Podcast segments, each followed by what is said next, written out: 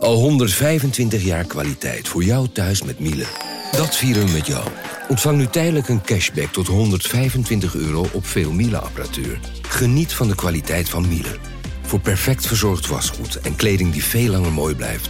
Voor een stralend schone vaat, even perfect als jouw diners. En een stofvrij thuis waarin echt hygiënisch schoon de standaard is.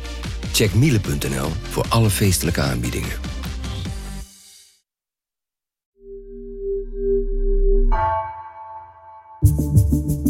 Vanaf de redactie van NRC het verhaal van vandaag. Mijn naam is Floor Boon.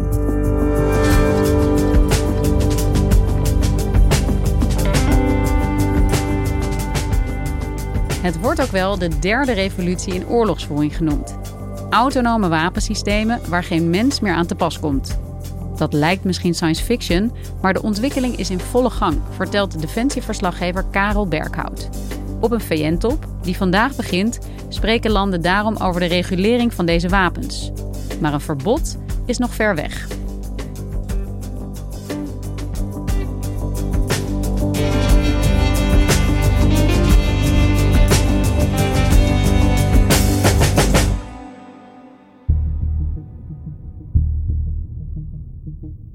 We are live with Brett Hauer on the line from where police are now confirming a drive-by shooting at a polling station. They're all in a line, shot in the head just where they stood.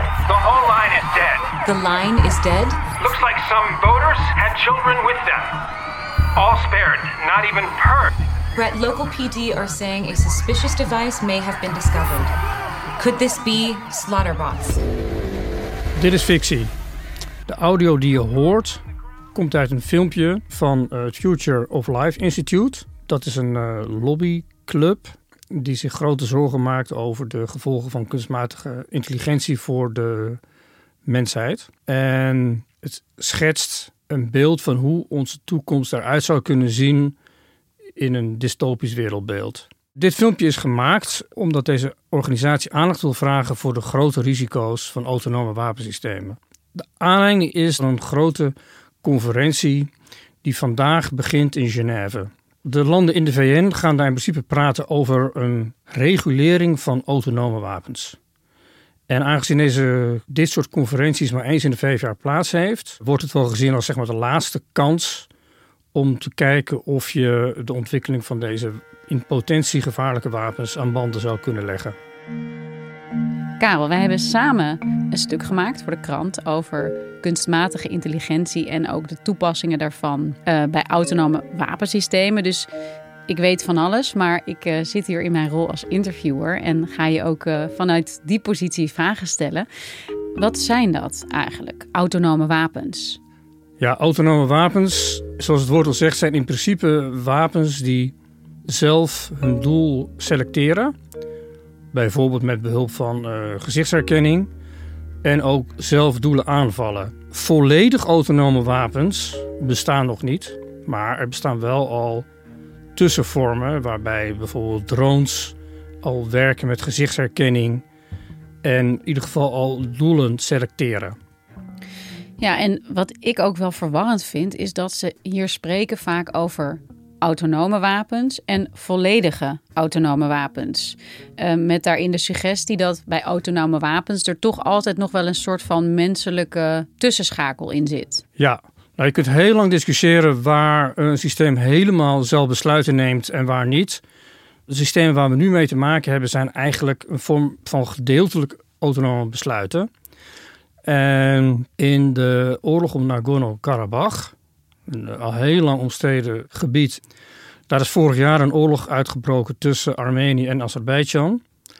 Er is een uh, staakt het vuur uiteindelijk afgesproken, maar je kan zeggen dat Azerbeidzjan die oorlog heeft gewonnen met uh, dank aan drones van Turkse makelij. De president van Azerbeidzjan heeft zelf gezegd dat bij wat hij ziet als een overwinning voor zijn land drones een cruciale rol hebben gespeeld. But are they making the difference in this conflict? Uh, of course, they are very uh, modern, sophisticated uh, weapons. And I can tell you, only by the drones which we acquired from Turkey, we destroyed Armenian uh, military equipment worth $1 billion.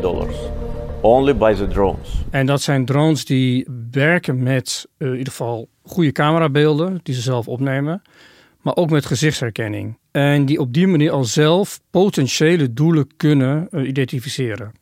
Dus ja, deze drones zijn dus eigenlijk al semi-autonoom, zou je Ja. kunnen zeggen. En ze worden ook al gebruikt dus in conflict. Wat betekent dat dan precies? Nou ja, kijk, daarover heb ik gesproken met Daan Keizer van PAX. PAX is een uh, organisatie die streeft naar vrede. En in elk probeert om uh, te voorkomen dat onnodeloos conflicten ontstaan en uh, burgers slachtoffer worden. En hij is al jaren bezig met de bestudering van dit uh, type wapens. En hij zegt bijvoorbeeld over die drones die zijn ingezet in uh, Nagorno-Karabakh. Op dit moment is het nog zo dat de drone een potentieel doelwit selecteert, die informatie doorgeeft aan de operator, die dus uh, uh, tientallen kilometers, misschien wel honderden kilometers verderop zit, en dat die dan vervolgens zegt val aan of val niet aan. Maar zegt hij, het is eigenlijk een kleine stap, zegt hij, om uh, die laatste stap eruit te halen. Je kan heel makkelijk voorstellen dat je die mensen gewoon die stap eruit haalt. En als zo'n systeem dus boven een bepaald gebied vliegt en een doelwit vindt, dat die gewoon ook automatisch gaat aanvallen. En dan zou je, als dus niet meer de operator uh, toestemming geeft, zou in principe zo'n wapen zelf kunnen besluiten: dit is een doel dat lijkt op het doel waarvan, waarvoor ik gemaakt ben, dus ik val aan. Op dit moment zijn er nog niet systemen waarbij de mens helemaal geen rol speelt. Maar het is wel dichtbij. Daan Keizer heeft de tien in zijn ogen meest riskante systemen geselecteerd. En daaronder is bijvoorbeeld de Israëlische Mini Harpy. Dat is een soort opvolger van onbemande vliegtoestelletjes die zijn gebruikt in Nagorno-Karabakh. En daarin kun je al zien, er staat ook expliciet bij, dat het in staat is om volledig autonoom te opereren. En dat het dus relatief makkelijk is om de menselijke stap daaruit te halen. Dus dat maakt het heel dichtbij. Ja, dat heeft iets heel beangstigends eigenlijk. Dat het zo dichtbij is dat de mens er al tussenuit gaat. Maar tegelijkertijd zeg je ook, ze zijn er nog niet op dit moment. Nee. Maar ze worden wel ontwikkeld. Ja. Wie, wie zijn daarmee bezig? Alle grote landen, dus Verenigde Staten, Rusland, China. Maar ook regionale grootmachten zoals uh, Israël en Turkije. Die uh, zijn echt ook voortrekker op dit terrein. En zijn er, Karel, ook voordelen aan autonome wapensystemen? Oh ja, er zijn uh, natuurlijk enorme voordelen aan verbonden. Daarover heb ik ook gesproken met de voormalig luitenant-generaal Jan Broeks, die veel heeft nagedacht over uh, de toepassing van autonome wapensystemen. Die zegt bijvoorbeeld. Nou, het, meest, het, meest, praktische voorbeeld op dit moment is, denk ik de snelheid van reageren. Stel je voor, er komt een razendsnelle raket op je af, zoals Rusland die nu aan het ontwikkelen is. Drie, vier keer de geluidssnelheid. Een mens is eigenlijk niet goed in staat om daar op tijd op te reageren. Een geautomatiseerd systeem, een al dan niet zelfdenkend systeem, is wel in staat om dat te doen. Uh, machines zijn ook onvermoeibaar. Dus er zijn wel degelijk voordelen aan verbonden. En ook, sterker nog, Nederlandse militairen zeggen dat het ook noodzakelijk is om in elk geval gedeeltelijk autonome systemen, wapensystemen te hebben. Ik kan me ook voorstellen dat als je op verkenningsmissie gaat, bijvoorbeeld gevaarlijke plekken waar militairen nu de omgeving slecht kennen, als je daar een drone op afstuurt met goede camera's, dat dat uh, mogelijk mensenlevens spaart of in ieder geval veiliger is dan mensen naartoe te sturen. Ja, beslist. Dat is natuurlijk dat is ook een voorbeeld dat door luitenant-generaal Broeks wordt aangehaald. Bijvoorbeeld in de tijd met Osama bin Laden, hè, toen hij in die grotten zat in, uh, tussen Pakistan en Afghanistan. Uh, nu zou je, vroeger sturen we daar soldaten naar binnen om te kijken of die daar zat. Dat kun je natuurlijk ook met een drone doen. En toch vinden we op dit moment nog in ieder geval dat zo'n menselijke stap ergens in het systeem noodzakelijk is. Ja. Waarom is dat precies? Nou, dat heeft alles te maken met uh, het internationaal recht, zoals dat in de 20e eeuw is uh, ontwikkeld. En waarbij uh, het ontzettend belangrijk is om niet nodeloos burgerslachtoffers te maken. En ook om een strikt onderscheid te maken tussen mensen die deelnemen aan de strijd en mensen die niet deelnemen aan de strijd. Dan is er nog een ander aspect dat het ook belangrijk is om in ieder geval ongewilde oorlogen te voorkomen. Nou, als je dit allemaal bij elkaar optelt, dan zijn autonome systemen gevoelig voor schending van al dit soort uh, internationale regels en afspraken. De vrees is dat op een of andere manier toch fouten kunnen ontstaan in de software, misverstanden kunnen ontstaan. Bijvoorbeeld doordat meerdere, misschien wel honderden drones in een zwerm opereren met verschillende, uh, aangedreven door verschillende soorten software. En dat er dan per ongeluk een verkeerde actie plaatsvindt. En dat er dan zomaar spontaan een oorlog ontstaat. Je kan je ook voorstellen dat dan plotseling uh, nodeloos burgers worden geraakt. Uh, zonder dat je als mens daar nog greep op hebt. Um, ik heb ook gesproken met Mark Brakel van Future of Life Institute. Dat is het instituut dat dat filmpje heeft gemaakt. En dat is opgericht door Elon Musk, die zich al jaren zeer grote zorgen maakt over de ongebreidelde ontwikkeling van kunstmatige intelligentie. En die wijst op een ander aspect, namelijk aansprakelijkheid. Dat wordt eh, altijd accountability genoemd. Dus je moet mensen of samenlevingen kunnen aanspreken op fouten die gemaakt zijn. Waar voor veel landen uh, het pijnpunt zit en voor het Rode Kruis uh, in het advies om dit verdrag op te stellen, is omdat je, ook al heb je nog een mens die misschien op een knop drukt, op het moment dat je twintig van bijvoorbeeld vliegende drones hebt die zelfstandig uh, soldaten uitschakelen in een bepaald gebied, ehm, kun je dan die ene persoon die op die knop heeft gedrukt nog aansprakelijk houden voor ja, 1 tot 20.000 slachtoffers, afhankelijk van mm -hmm. um, hoeveel mensen er toevallig in dat gebied aanwezig zijn. Is dat een reële uh, keten van aansprakelijkheid? Zijn antwoord is natuurlijk nee. En in elk geval is zijn antwoord ook dat moet je regelen voordat je autonome systemen uh, ruim baan geeft. Ja, en dan kom je eigenlijk weer terug bij het inbouwen van een menselijke stap, of in ieder geval menselijke betrokkenheid in allerlei fases van de ontwikkeling van die wapens. Ja. En ja, ik merkte eigenlijk zelf ook bij het uh, onderzoek doen hiernaar dat, dat dat aspect eigenlijk overal terugkomt. Hè? En dat noemen ze dan betekenisvolle menselijke controle. Ja, meaningful human control is een, een sleutelbegrip geworden.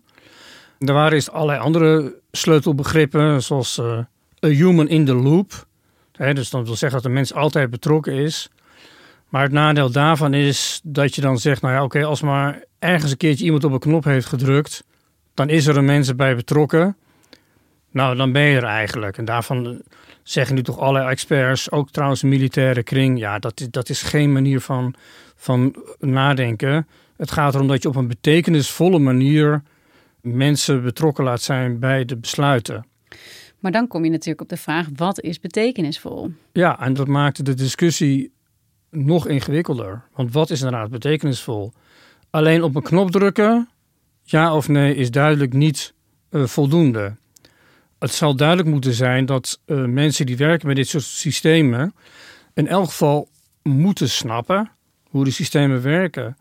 Die zullen het systeem moeten kunnen bevragen, zoals dat heet. Hè? Dus dat je in elk geval weet dat als de uh, software tot een bepaalde beslissing komt, dat je snapt hoe die tot dat besluit is gekomen dat als je systemen ontwerpt, dat je van tevoren al bedenkt: oké, en, en, en waar zit dan het moment dat mensen een uh, zinvol uh, besluit kunnen nemen?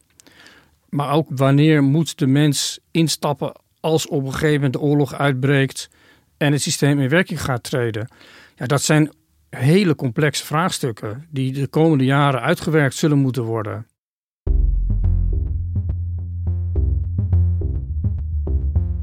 is eigenlijk een hele grote ethische discussie. Wordt hier in de samenleving eigenlijk wel over gediscussieerd? Nee, in de samenleving als geheel heel weinig. Daar wordt wel bijvoorbeeld door wetenschappers uh, over gediscussieerd. Maar die zeggen zelf, deze kwestie is te groot om over te laten aan de mensen die die systemen ontwerpen. Of aan de mensen die die systeem, met die systemen moeten werken. Daar zal de samenleving als geheel een antwoord op moeten vinden. Dus het is eigenlijk van belang dat die discussie ook veel breder gevoerd zal gaan worden. Ja, dat is van ongelooflijk uh, groot belang. En vandaag begint er dus een conferentie internationaal waarin landen met elkaar spreken over de ontwikkeling van autonome wapens en ja, hoe ermee moet worden omgegaan.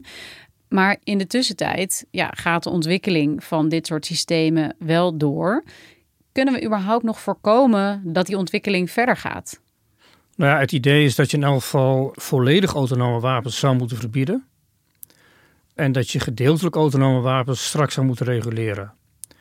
En dat is ook wat bij de toetsingsconferentie op tafel ligt. Daar ligt namelijk op tafel de vraag: moet er onderhandeld gaan worden over een verdrag waarin we dit soort zaken gaan vastleggen?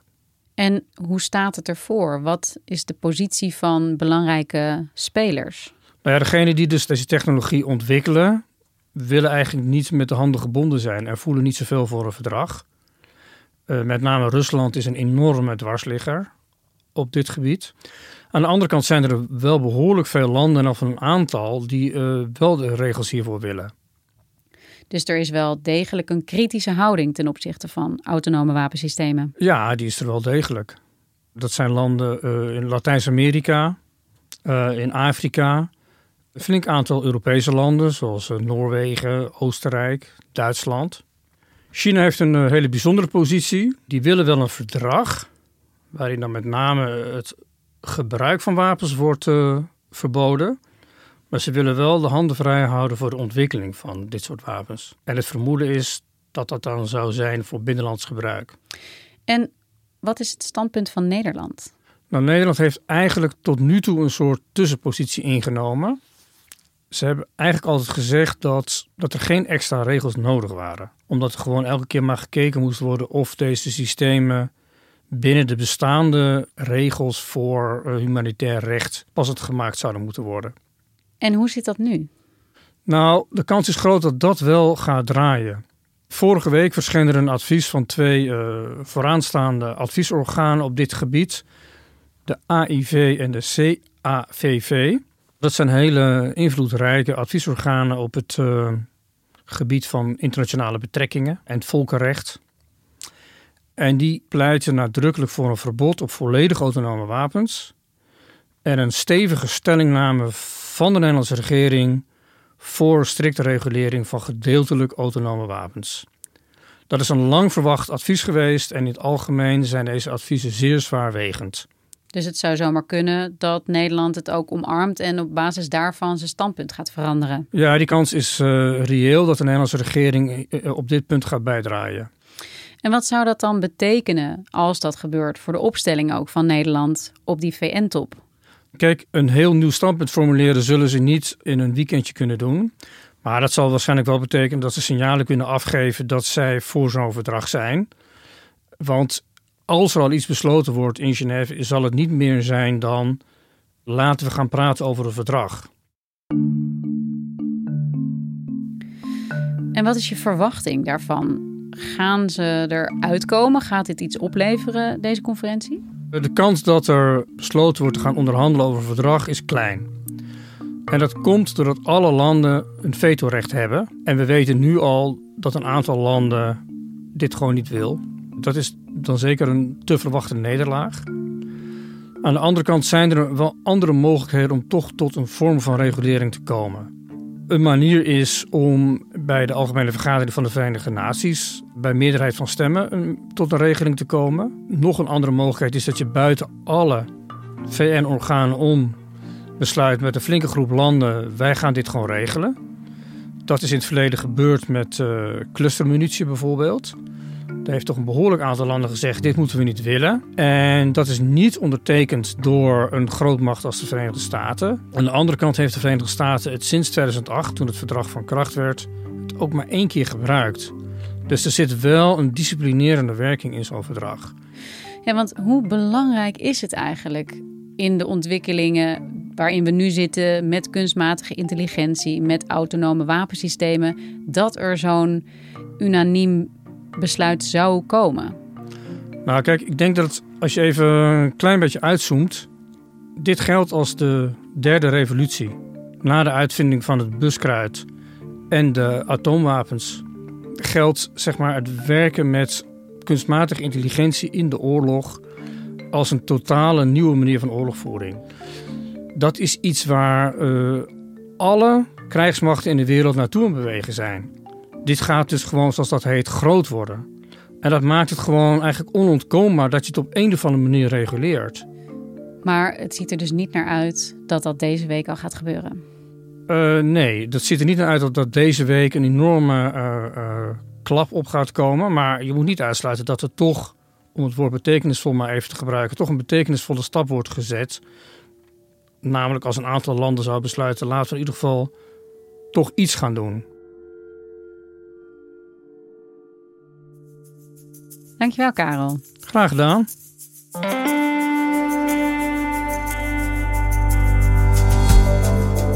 Je luisterde naar vandaag, een podcast van NRC.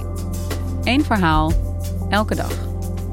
Deze aflevering werd gemaakt door Wijken van Koolwijk, Ruben Pest en Jeroen Jaspers. Dit was vandaag. Morgen weer.